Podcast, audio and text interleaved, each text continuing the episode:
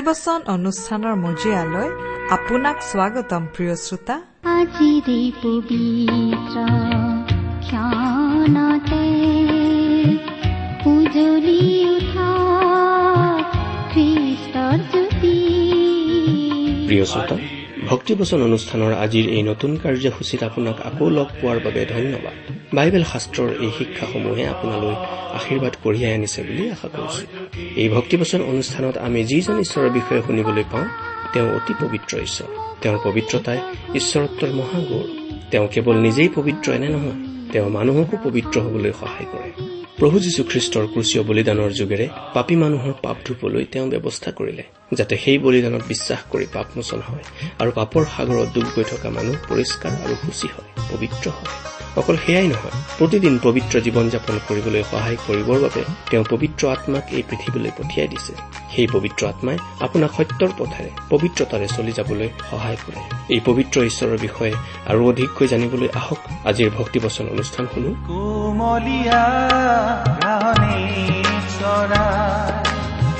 কান্ত জলৰ কাষে মোক চলাই? কোমলীয়া ঘাহনি চৰাই। শান্ত জলৰ কাষে মোক চলাই? সুস্থ কৰে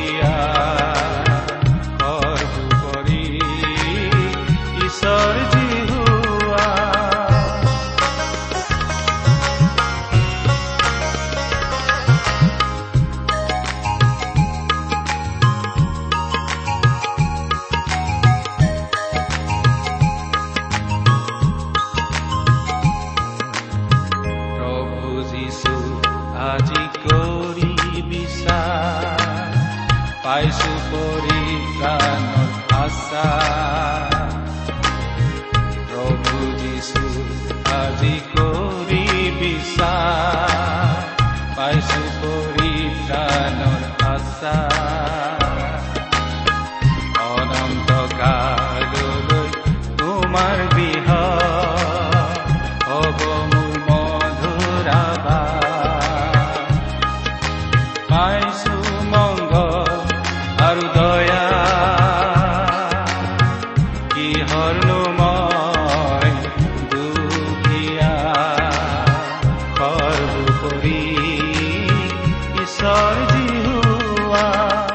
আমাৰ পৰম পবিত্ৰ প্ৰভু যীশুখ্ৰীষ্টৰ নামত নমস্কাৰ প্ৰিয় শ্ৰোতা। আশা কৰো আপুনি ভালে কুশলে আছে। প্ৰিয় শ্ৰোতা আপুনি বাৰু আমাৰ এই অনুষ্ঠানটো নিয়মিতভাৱে শুনি আছেনে? আমালৈ বাৰু আপোনাৰ মতামত আদি জনাই কেতিয়াবা চিঠি পত্ৰ লিখিছেনে? অনুগ্ৰহ কৰি আজি এই দুখাৰিমান লিখি পঠিয়াওকচোন। আহকচোন। বাইবেল অধ্যয়ন আৰম্ভ কৰাৰ আগতে খন্তেক প্ৰাৰ্থনাত মূৰ দুৱাওঁ। হে আমাৰ স্বৰ্গত থকা মহান পিতৃ ঈশ্বৰ প্ৰথমতেই তোমাক ধন্যবাদ জনাইছো। কাৰণ তুমি আমাক আকৌ এটা নতুন দিন দেখিবলৈ দিলা আৰু তোমাৰ বাক্য অধ্যয়ন কৰিবলৈ তোমাৰ মাত শুনিবলৈ তোমাক ওচৰৰ পৰা লগ পাবলৈ আকৌ এটা সুযোগ দিলা। তোমাৰ বাক্যৰ নিগৃঢ় তত্ব তুমিয়েই আমাক বুজাই দিয়া। কিয়নো এই প্ৰাৰ্থনা আমাৰ মহান ত্ৰাণকৰ্তা মৃত্যুঞ্জয় প্ৰভু যীশুখ্ৰীষ্টৰ নামত আগবঢ়াইছো। আমেন।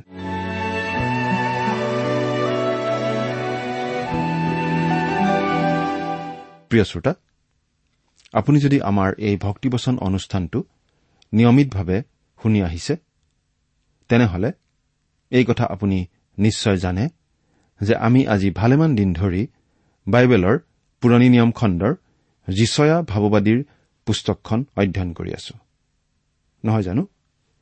ইতিমধ্যে আমি ভালেখিনি আগবাঢ়ি আহিলো আৰু এই যিচয়া পুস্তকখনৰ ছাব্বিছ নম্বৰ অধ্যায়লৈকে আমাৰ অধ্যয়ন আগবঢ়াই আনিছো।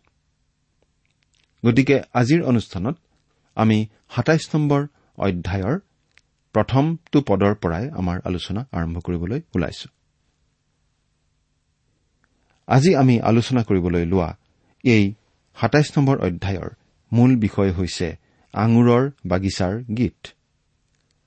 আমি পোনে পোনে বাইবেলৰ পৰা এতিয়া পাঠ কৰি দিম। আপোনাৰ লগত যদি বাইবেল আছে অনুগ্ৰহ কৰি চাই যাব। আৰু লগত যদি বাইবেল নাই অনুগ্ৰহ কৰি মন দি শুনিব। পাঠ কৰি দিম।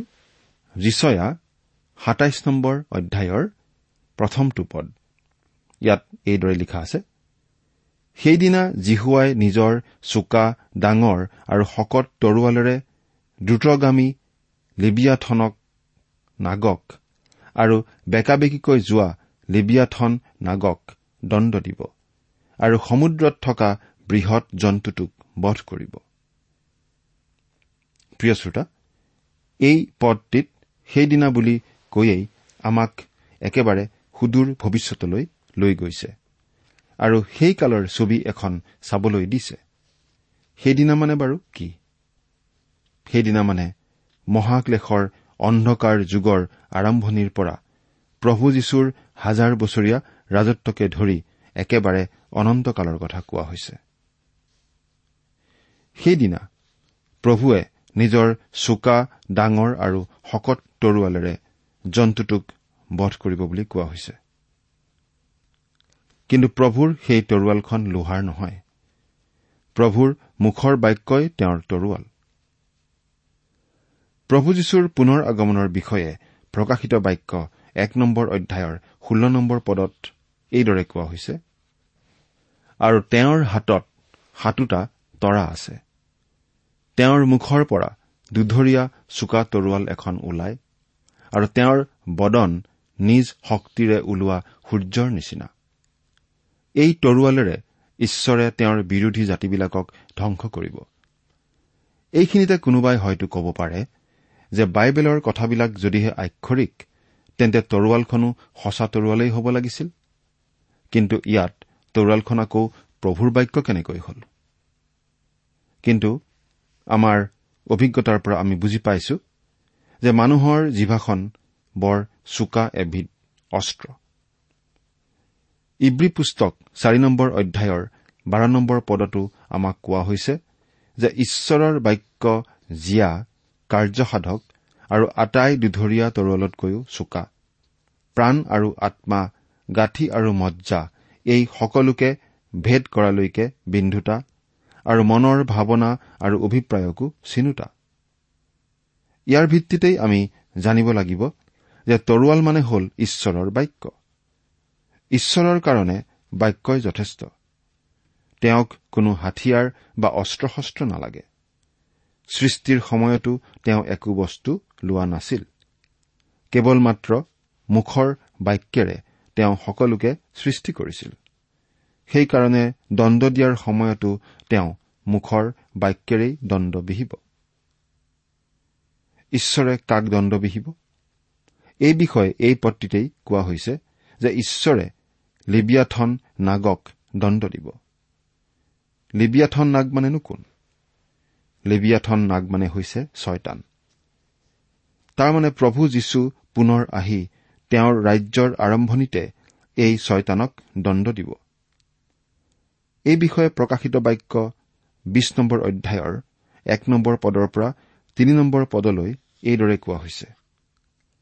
পাছে সেই অগাধ ঠাইৰ চাবি আৰু এগছ বৰ শিকলি হাতত লোৱা এজন দূতক স্বৰ্গৰ পৰা নমা দেখিলো।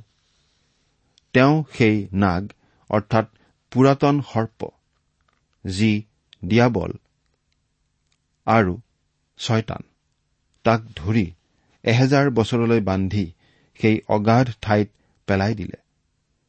আৰু সেই এহেজাৰ বছৰ পূৰ নহয় মানে সি যেন জাতিবিলাকক ভুলাব নোৱাৰে এইকাৰণে মুখ বন্ধ কৰি তাৰ ওপৰত চাব মাৰিলে। তাৰ পাছত অলপ কাললৈ সি মুক্ত হ'ব লাগিব। প্ৰকাশিত বাক্যৰ বাৰ নম্বৰ অধ্যায়ৰ ন নম্বৰ পদত আকৌ এনেদৰে কোৱা হৈছে। সেই মহানাগ অৰ্থাৎ দিয়াবল আৰু ছয়তান নামেৰে বিখ্যাত হোৱা যি পুৰণি সাপে গোটেই জগতৰ ভ্ৰান্তি জন্মাই তাক পৃথিৱীলৈ পেলোৱা হ'ল।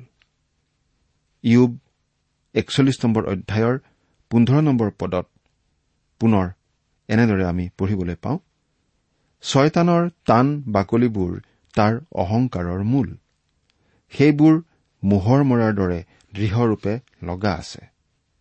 তাৰমানে তাৰ বাকলিবোৰ ঢালৰ দৰে আৰু একোৱেই তাক বিন্ধিব নোৱাৰে। সেইকাৰণে সি অহংকাৰ কৰে যে ঈশ্বৰৰ দণ্ডয়ো তাক একো কৰিব নোৱাৰে। কিন্তু তাক যে গাঁতত পেলোৱা হ'ব সেই কথা সি চিন্তা নকৰে। আজি আমাৰ মাজতো বহুত মানুহ আছে যিসকলে ভাবে যে ঈশ্বৰৰ কোনো সুদবিচাৰ নাই। আনকি সুদবিচাৰৰ কথা কলেও তেওঁলোকে হাঁহে মাত্ৰ। ছয়তানেও ঠিক একেদৰেই ভাবে। দুই নম্বৰ পদ শুনকচোন। সেই দিন এখন মনোৰম দ্ৰাক্ষাবাৰী তাৰ বিষয়ে তোমালোকে গান কৰা। প্ৰিয় শ্ৰোতা এই পদটোত মহাক্লেশৰ কথা নহয় কিন্তু প্ৰভু যীশুৰ এহেজাৰ বছৰীয়া ৰাজত্বৰ কথা কোৱা হৈছে। সেই দিনবোৰ অতি মধুৰ আৰু মনোৰম হ'ব আৰু প্ৰভু যীশুক প্ৰেম কৰা সকলোৱে আনন্দতে গীত গাব। ইয়াত দ্ৰাক্ষাবাৰী অৰ্থাৎ আঙুৰৰ বাগিচাৰ দ্বাৰা বুজোৱা হৈছে যে সেই কালচোৱা সুখ শান্তিৰে উপচি পৰা হ'ব। কেওফালে জয় জয় ময় ময় অৱস্থা হ'ব। এতিয়া তিনি নম্বৰ পদটো পঢ়ি দিছো শুনিবচোন। মই পানী দিওঁ কোনোবাই তাক হানি কৰে বুলি মই দিনে ৰাতিয়ে তাক ৰখি থাকো। সেই কালত প্ৰভু নিজে আঙুৰৰ বাগিচাৰ ৰখীয়া হ'ব। চোৱা চিতা কৰিবলৈ তেওঁ কাকো দায়িত্ব নিদিয়ে। দিনে ৰাতিয়ে তেওঁ সেই বাগিচা চাই থাকিব। এতিয়া চাৰি নম্বৰ পদৰ পৰা ছয় নম্বৰ পদলৈ পাঠ কৰি দিম। শুনিবচোন। মুঠ ক্ৰোধ নাই। অহ কাঁইটীয়া বন আৰু কাঁইট গছৰ হাবিয়ে মোৰ অহিতে যুদ্ধ কৰিলে কেনে ভাল হয়? সেয়ে হলে মই সিহঁতক আক্ৰমণ কৰিম। একেবাৰে দগ্ধ কৰিম। নতুবা সি মোৰ পৰাক্ৰমৰ আশ্ৰয় লওক। মোৰে সৈতে সন্ধি কৰক এনেকি মোৰে সৈতে সন্ধিয়েই কৰক? ভৱিষ্যৎকালত জাকুবে শিপাব ইছৰাইলে কলি ধৰিব আৰু ফুলিব আৰু তেওঁবিলাকে ভূমণ্ডলক ফলেৰে পৰিপূৰ্ণ কৰিব। প্ৰিয় শ্ৰোতা ইয়াত এটা বৰ ডাঙৰ কথা কোৱা হৈছে যে সেই কালতো যদি ঈশ্বৰৰ বিৰোধিতা কৰা কোনো লোকে ঈশ্বৰৰ পৰা শান্তি পাব বিচাৰে তেন্তে তাক তেওঁ গ্ৰহণ কৰিব পাৰে। কাৰণ ঈশ্বৰ ইমান দয়ালু যে তেওঁৰ দয়াৰ শেষ নাই। দয়াত তেওঁ অতি চহকী। তাৰমানে যাক যিমান লাগে সিমান তেওঁ দয়া কৰিব পাৰে আৰু দয়া কৰি কৰি তেওঁ কেতিয়াও দুখীয়া হৈ নাযায়। আপোনাৰ কাৰণেও ঈশ্বৰৰ দয়াৰ অভাৱ আৰু শেষ নাই। মাত্ৰ আপুনি সেই দয়া ঈশ্বৰৰ পৰা খুজিব লাগে। খুজিলে তেওঁ আপোনাক অনন্ত কাললৈকে দয়া কৰি যে থাকিব তাত সন্দেহ নাই। সেইকাৰণেই কোৱা হৈছে যে সি মোৰে সৈতে সন্ধি কৰক। তাৰমানে তাৰমানে মানুহে ঈশ্বৰৰ লগত শান্তিৰ চুক্তি কৰক। সেইটো ঈশ্বৰে বিচাৰিছে। কিন্তু মানুহৰ পাপৰ সমস্যাটো আছে। আৰু এই পাপৰ সমস্যাটো খণ্ডন কৰিবলৈ ঈশ্বৰে যীশুখ্ৰীষ্টৰ যোগেদি ক্ৰুচত যি সকলোখিনি কৰিলে তাক আপুনি কেৱল মানি ল'ব লাগিব বিশ্বাস কৰিব লাগিব আৰু গ্ৰহণ কৰিব লাগিব। তেতিয়াহে ঈশ্বৰৰ শান্তি আপুনি লাভ কৰিব পাৰিব নহলে নাপায়। এই বিষয়ে ৰুমিয়া পুস্তকৰ পাঁচ নম্বৰ অধ্যায়ৰ এক নম্বৰ পদত এইদৰে কোৱা হৈছে এইকাৰণে আমি বিশ্বাসৰ দ্বাৰাই ধাৰ্মিক বুলি গণিত হোৱাত আমাৰ প্ৰভু যীশুখ্ৰীষ্টৰ দ্বাৰাই ঈশ্বৰে সৈতে আমাৰ শান্তি আছে। এতিয়া ইছৰাইল আৰু ইছৰাইলৰ শত্ৰুসকলৰ দণ্ডৰ বিষয়ে আমি সাত নম্বৰ পদত এনেদৰে পাওঁ। পাঠ কৰি দিছো শুনিবচোন। তেওঁ ইছৰাইলৰ প্ৰহাৰকক যেনেকৈ প্ৰহাৰ কৰিছিল তেনেকৈ তেওঁ ইছৰাইলক প্ৰহাৰ কৰিলেনে? বা তাৰ দ্বাৰাই হত হোৱাবিলাকৰ হত্যাৰ দৰে? জানো সি হত হল? এই পদটিত এটি প্ৰশ্ন সোধা হৈছে আৰু তাৰ আধা উত্তৰ আমি কিছুদিন আগতে এই যিচয়া পুস্তকতেই পাই আহিছো। আমি জানো যে ঈশ্বৰে ইছৰাইলক পোহৰ দিছিল আৰু আশীৰ্বাদ কৰিছিল। এই পোহৰে তেওঁলোকৰ কাৰণে কিছুমান দায়িত্ব উৎপন্ন কৰিছিল। অৰ্থাৎ ঈশ্বৰৰ পৰা তেওঁলোকে যি পোহৰ পাইছিল বা যি জ্ঞান পাইছিল সেইকাৰণে তেওঁলোকৰ দায়িত্বও বাঢ়িছিল। সেই দায়িত্ব আছিল যে তেওঁলোকে পাপ কৰিব নালাগে আৰু ঈশ্বৰৰ পথত চলি থাকিব লাগে। কিন্তু তেওঁলোকে পাপ কৰিছিল আৰু তেওঁলোক পোহৰত থকা হেতুকে পাপবোৰ বেছি কলা হৈ দেখা দিছিল। আৰু তাৰ বাবে ঈশ্বৰে তেওঁলোকক শাস্তি বিহিবলগীয়া হৈছিল। অৱশ্যে এই শাস্তি ঈশ্বৰক নজনা জাতিবোৰক দিয়া শাস্তিতকৈ বেছি আছিল যদিও ঈশ্বৰে তেওঁলোকক ধ্বংস হবলৈ এৰি দিয়া নাছিল। এই বিষয়ে আমোচ তিনি নম্বৰ অধ্যায়ৰ দুই নম্বৰ পদত আমি পঢ়িবলৈ পাওঁ যে ঈশ্বৰে কৈছে পৃথিৱীৰ সকলো গোষ্ঠীৰ ভিতৰত কেৱল তোমালোককেই মই জানিলো। এইকাৰণে মই তোমালোকৰ আটাই অপৰাধৰ নিমিত্তে তোমালোকক দণ্ড দিম। এইকাৰণে ইছৰাইলৰ ওপৰত ঈশ্বৰৰ দণ্ড অধিক আছিল। কিন্তু ঈশ্বৰে তেওঁলোকক শেষ কৰি দিয়া নাছিল। ৰজা ডায়ুদে এই কথা জানিছিল। আৰু গীতমালা এশ ওঠৰ নম্বৰ গীতৰ ওঠৰ নম্বৰ পদত। এইদৰে কৈছে ঈশ্বৰে মোক আনতকৈ অধিক দণ্ড দিলে কিন্তু তথাপিতো তেওঁ মোক মৃত্যুৰ হাতত সোধাই দিয়া নাই। হয় ঈশ্বৰে ইছৰাইলক ধ্বংস হবলৈ নিদিয়ে। আঠ আৰু ন নম্বৰ পদ আমি পঢ়িছো। ইয়াত আমি এনেদৰে পাওঁ তুমি ইছৰাইলক পঠাই দিয়াৰ দ্বাৰাই পৰিমিতৰূপে তাইক দণ্ড দিছা। তেওঁ পূৰ্বীয় বতাহৰ দিনা নিজৰ প্ৰবল বায়ুৰ দ্বাৰাই তাইক স্থানান্তৰিত কৰিলে।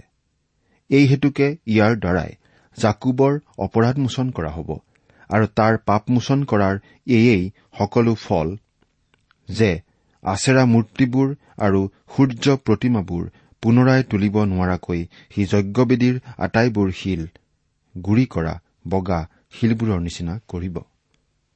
প্ৰিয় শ্ৰোতা ইয়াত এই কথা কোৱা হৈছে যে ঈশ্বৰে ইছৰাইলক দণ্ড দিছিল যদিও এইবিলাক কিন্তু তেওঁলোকৰ পাপ প্ৰায়চিত্ৰৰ দণ্ড নাছিল। কাৰণ জাকুবৰ পাপ তেজ উৎসৰ্গ কৰাৰ দ্বাৰাই প্ৰায়চিত্ৰ কৰা হৈছিল। আৰু আন আন জাতিবিলাকৰ পাপ যীশুখ্ৰীষ্টই ক্ৰুচত উৎসৰ্গ কৰাৰ দ্বাৰাই প্ৰায়চিত্ৰ কৰা হয়। আৰু ঠিক একেদৰে শেষকালতো ইছৰাইলকো যীশুৰ তেজৰ দ্বাৰাই প্ৰায়চিত্ৰ কৰা হ'ব। এইটোৱেই হ'ল ঈশ্বৰে মানৱ জাতিৰ প্ৰায়চিত্ৰৰ বাবে দিয়া একমাত্ৰ উপায়। ইয়াৰ বাহিৰে আকাশৰ তলত পৃথিৱীৰ প্ৰায়চিত্ৰৰ আন কোনো উপায় নাই। গতিকে আপুনি যদি এই উপায় গ্ৰহণ কৰিছে তেন্তে আপোনাৰ পাপৰ প্ৰায়চিত্ৰ হৈছে। ইয়াৰ বাহিৰে যদি আন কিবা উপায়েৰে আপোনাৰ পাপৰ প্ৰায়চিত্ৰ হ'ব বুলি আশা কৰি আছে তেনেহলে সেই আশা মিছা। দহ আৰু এঘাৰ নম্বৰ পদত এনেদৰে আছে কিয়নো গড়েৰে আবৃত নগৰ পৰিত্যক্ত হ'ব আৰু মানুহ নথকা বাসস্থান হৈ অৰণ্যৰ নিচিনা নিৰ্জন হ'ব। তাত দামুৰি চৰিব আৰু শুব আৰু তাৰ থালবোৰ খাই পেলাব। তাৰ ডালবোৰ যেতিয়া শুকাই যায় তেতিয়া সেইবোৰ ভঙা যাব। তিৰোতাবোৰে আহি সেইবোৰ লৈ গৈ জুইত পুৰিব। কিয়নো সি বুদ্ধিহীন জাতি।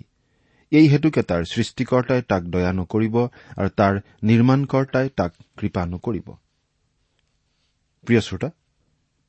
আমি জানো যে এই পৃথিৱীৰ বুকুত বহুতো সভ্যতাই মূৰ দাঙি উঠিছিল আৰু সেইবিলাক আজি আৰু নাই।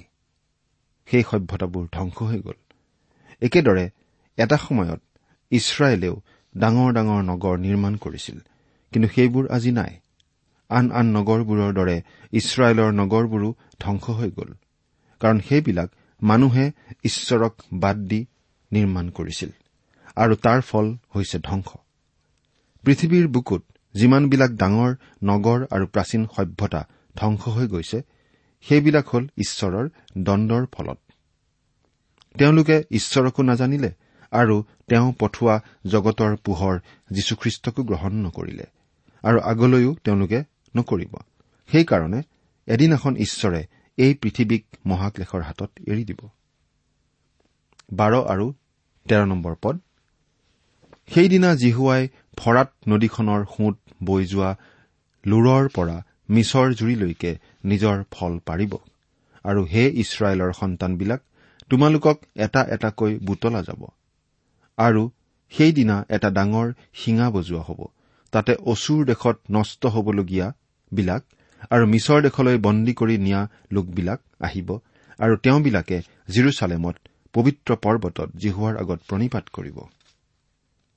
প্ৰিয় শ্ৰোতা এই পদটিত ঈশ্বৰে অতি স্পষ্টকৈ কৈছে যে তেওঁ এদিনাখন সকলো ইছৰাইলীয়া লোকক একগোট কৰিব আৰু তেওঁৰ প্ৰতিজ্ঞাৰ দেশত স্থাপন কৰিব।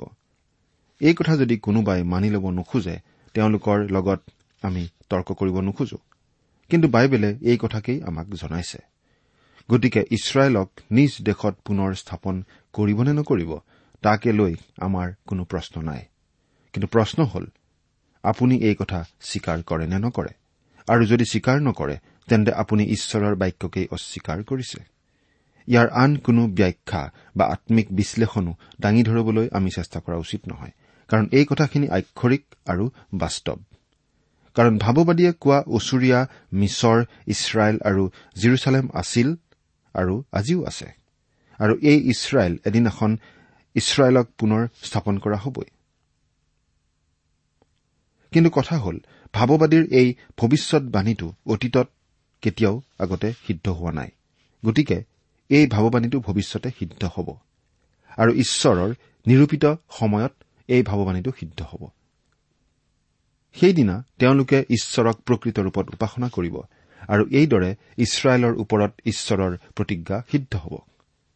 প্ৰিয় শ্ৰোতা এইখিনিতে আপোনাক এটা কথা কৈ থওঁ যে ইছৰাইলৰ দৰে আমি যিসকল অনা ইছৰাইলীয়া লোক আছো আমাৰ বাবেও ঈশ্বৰে এটা প্ৰতিজ্ঞা কৰি থৈছে যিয়ে তেওঁৰ পুত্ৰ যীশুখ্ৰীষ্ট।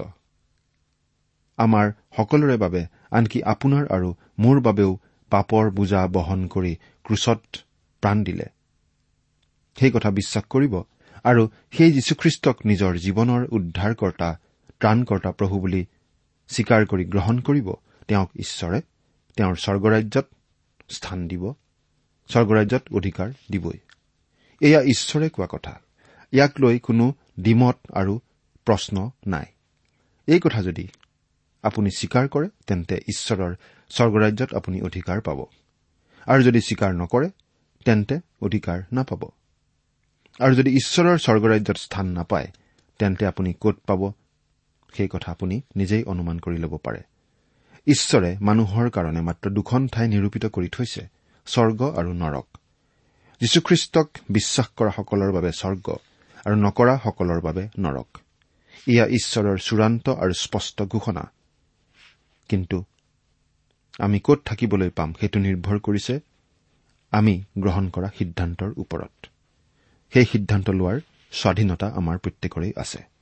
চাওক আপোনাৰ পূৰ্বপুৰুষসকল যিদৰে মৰি গৈছে সেইদৰে এদিনাখন আপুনিও মৰিব আমি সকলোৱে মৰিম। এইখিনিতে আমি এটা কথা প্ৰমাণ কৰি চাব পাৰো। যে তেওঁলোক যদি যীশুখ্ৰীষ্টক বিশ্বাস কৰা লোক তেন্তে তেওঁলোক যে আজি স্বৰ্গত আছে সেই কথা আপুনি নিশ্চয়কৈ জানে। কিন্তু তেওঁলোক যদি যীশুখ্ৰীষ্টক বিশ্বাস নকৰা লোক আছিল তেন্তে তেওঁলোক ক'ত আছে? আপুনি নাজানে আমিও নাজানো। এতিয়া আপুনিও অনিশ্চয়তাত জীৱন কটাই মৃত্যুৰ পাছত কলৈ যাব সেই কথা নজনাকৈ থাকিব খোজেনে? তেনে কৰা উচিত হ'ব জানো। আপুনি আপোনাৰ সৃষ্টিকৰ্তা ঈশ্বৰৰ কথা শুনক। আৰু যীশুখ্ৰীষ্টক নিজৰ জীৱনৰ গৰাকী আৰু প্ৰভুৰূপে স্বীকাৰ কৰি মৃত্যুৰ পাছত স্বৰ্গ পোৱাৰ নিশ্চয়তা এই জীৱনতেই লাভ কৰক আৰু শান্তিৰে জীৱন উপভোগ কৰক। যীশুখ্ৰীষ্টক স্বীকাৰ কৰাৰ লগে লগে জীৱনৰ অনন্ত নিৰাপত্তাৰ শান্তি আপুনি লাভ কৰিব। মৃত্যুৰ পাছৰ বিষয়টো আমি আওকাণ কৰি থকা উচিত নিশ্চয় নহয়। কাৰণ এই জগতত আমাৰ যি জীৱনকাল এই জীৱনকাল তেনেই চমু। আমি আজি আছো কাইলৈ নাই। যিকোনো এটা মুহূৰ্ততেই আমি মৰি থাকিব পাৰোঁ। কিন্তু মৃত্যু হোৱাৰ পাছত আমি কলৈ যাম? সেই কথাটো মৃত্যু হোৱাৰ আগতেই আমি নিষ্পত্তি কৰি ল'ব লাগিব। নহলে মৃত্যুৰ পাছত কোনো উপায় নাথাকিব। যেতিয়া ঈশ্বৰে আমাৰ সুদবিচাৰ কৰিব তেতিয়া আমি এই বৰ্তমান যুগত জীয়াই থকা জীৱনৰ ভিত্তিতেই লোৱা সিদ্ধান্তৰ ওপৰত ভিত্তি কৰি তেওঁ সেই সুদবিচাৰ কৰিব। প্ৰিয় শ্ৰোতা জীয়াই থকা অৱস্থাতেই মৃত্যুৰ পিছৰ জীৱনৰ বাবে আমি সিদ্ধান্ত লৈ মৃত্যুৰ পিছৰ জীৱন সৰগত কটোৱাৰ নিশ্চয়তা লাভ কৰিব পাৰোঁ। প্ৰভু যীশুখ্ৰীষ্টক আমাৰ জীৱনৰ পৰিত্ৰাতা আৰু প্ৰভু বুলি গ্ৰহণ কৰি। সেই কাম বাৰু আপুনি কৰিছেনে? যদি কৰা নাই আজিয়েই নকৰে কিয়? প্ৰিয় শ্ৰোতা আজি আমি যিচয়া পুস্তকৰ সাতাইছ নম্বৰ অধ্যায়ৰ এক নম্বৰ পদৰ পৰা তেৰ নম্বৰ পদলৈকে আলোচনা কৰিলো। অহা অনুষ্ঠানত আমি আঠাইছ নম্বৰ অধ্যায় আলোচনা কৰিম। তাত আমি কেইবাটাও নতুন নতুন কথা জানিব পাৰিম। অনুগ্ৰহ কৰি অনুষ্ঠানটি নুশুনাকৈ নাথাকিব। আজিলৈ আমাৰ সময়ো হলহি। আপোনাক পুনৰ লগ পোৱাৰ আশাৰে ইমানতে সামৰিছো। নমস্কাৰ।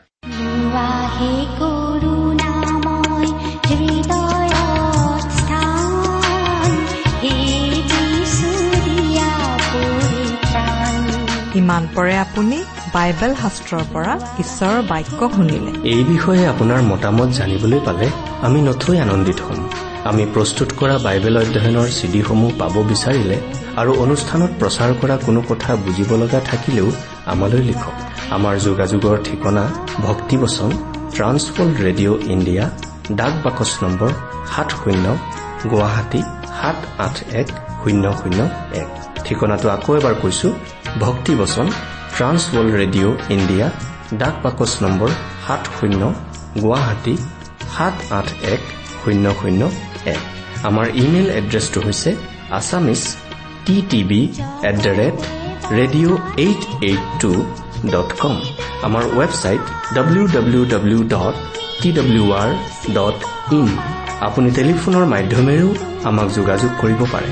আমাৰ টেলিফোন নম্বৰটো হৈছে nine eight five four zero' four zero' eight eight nine.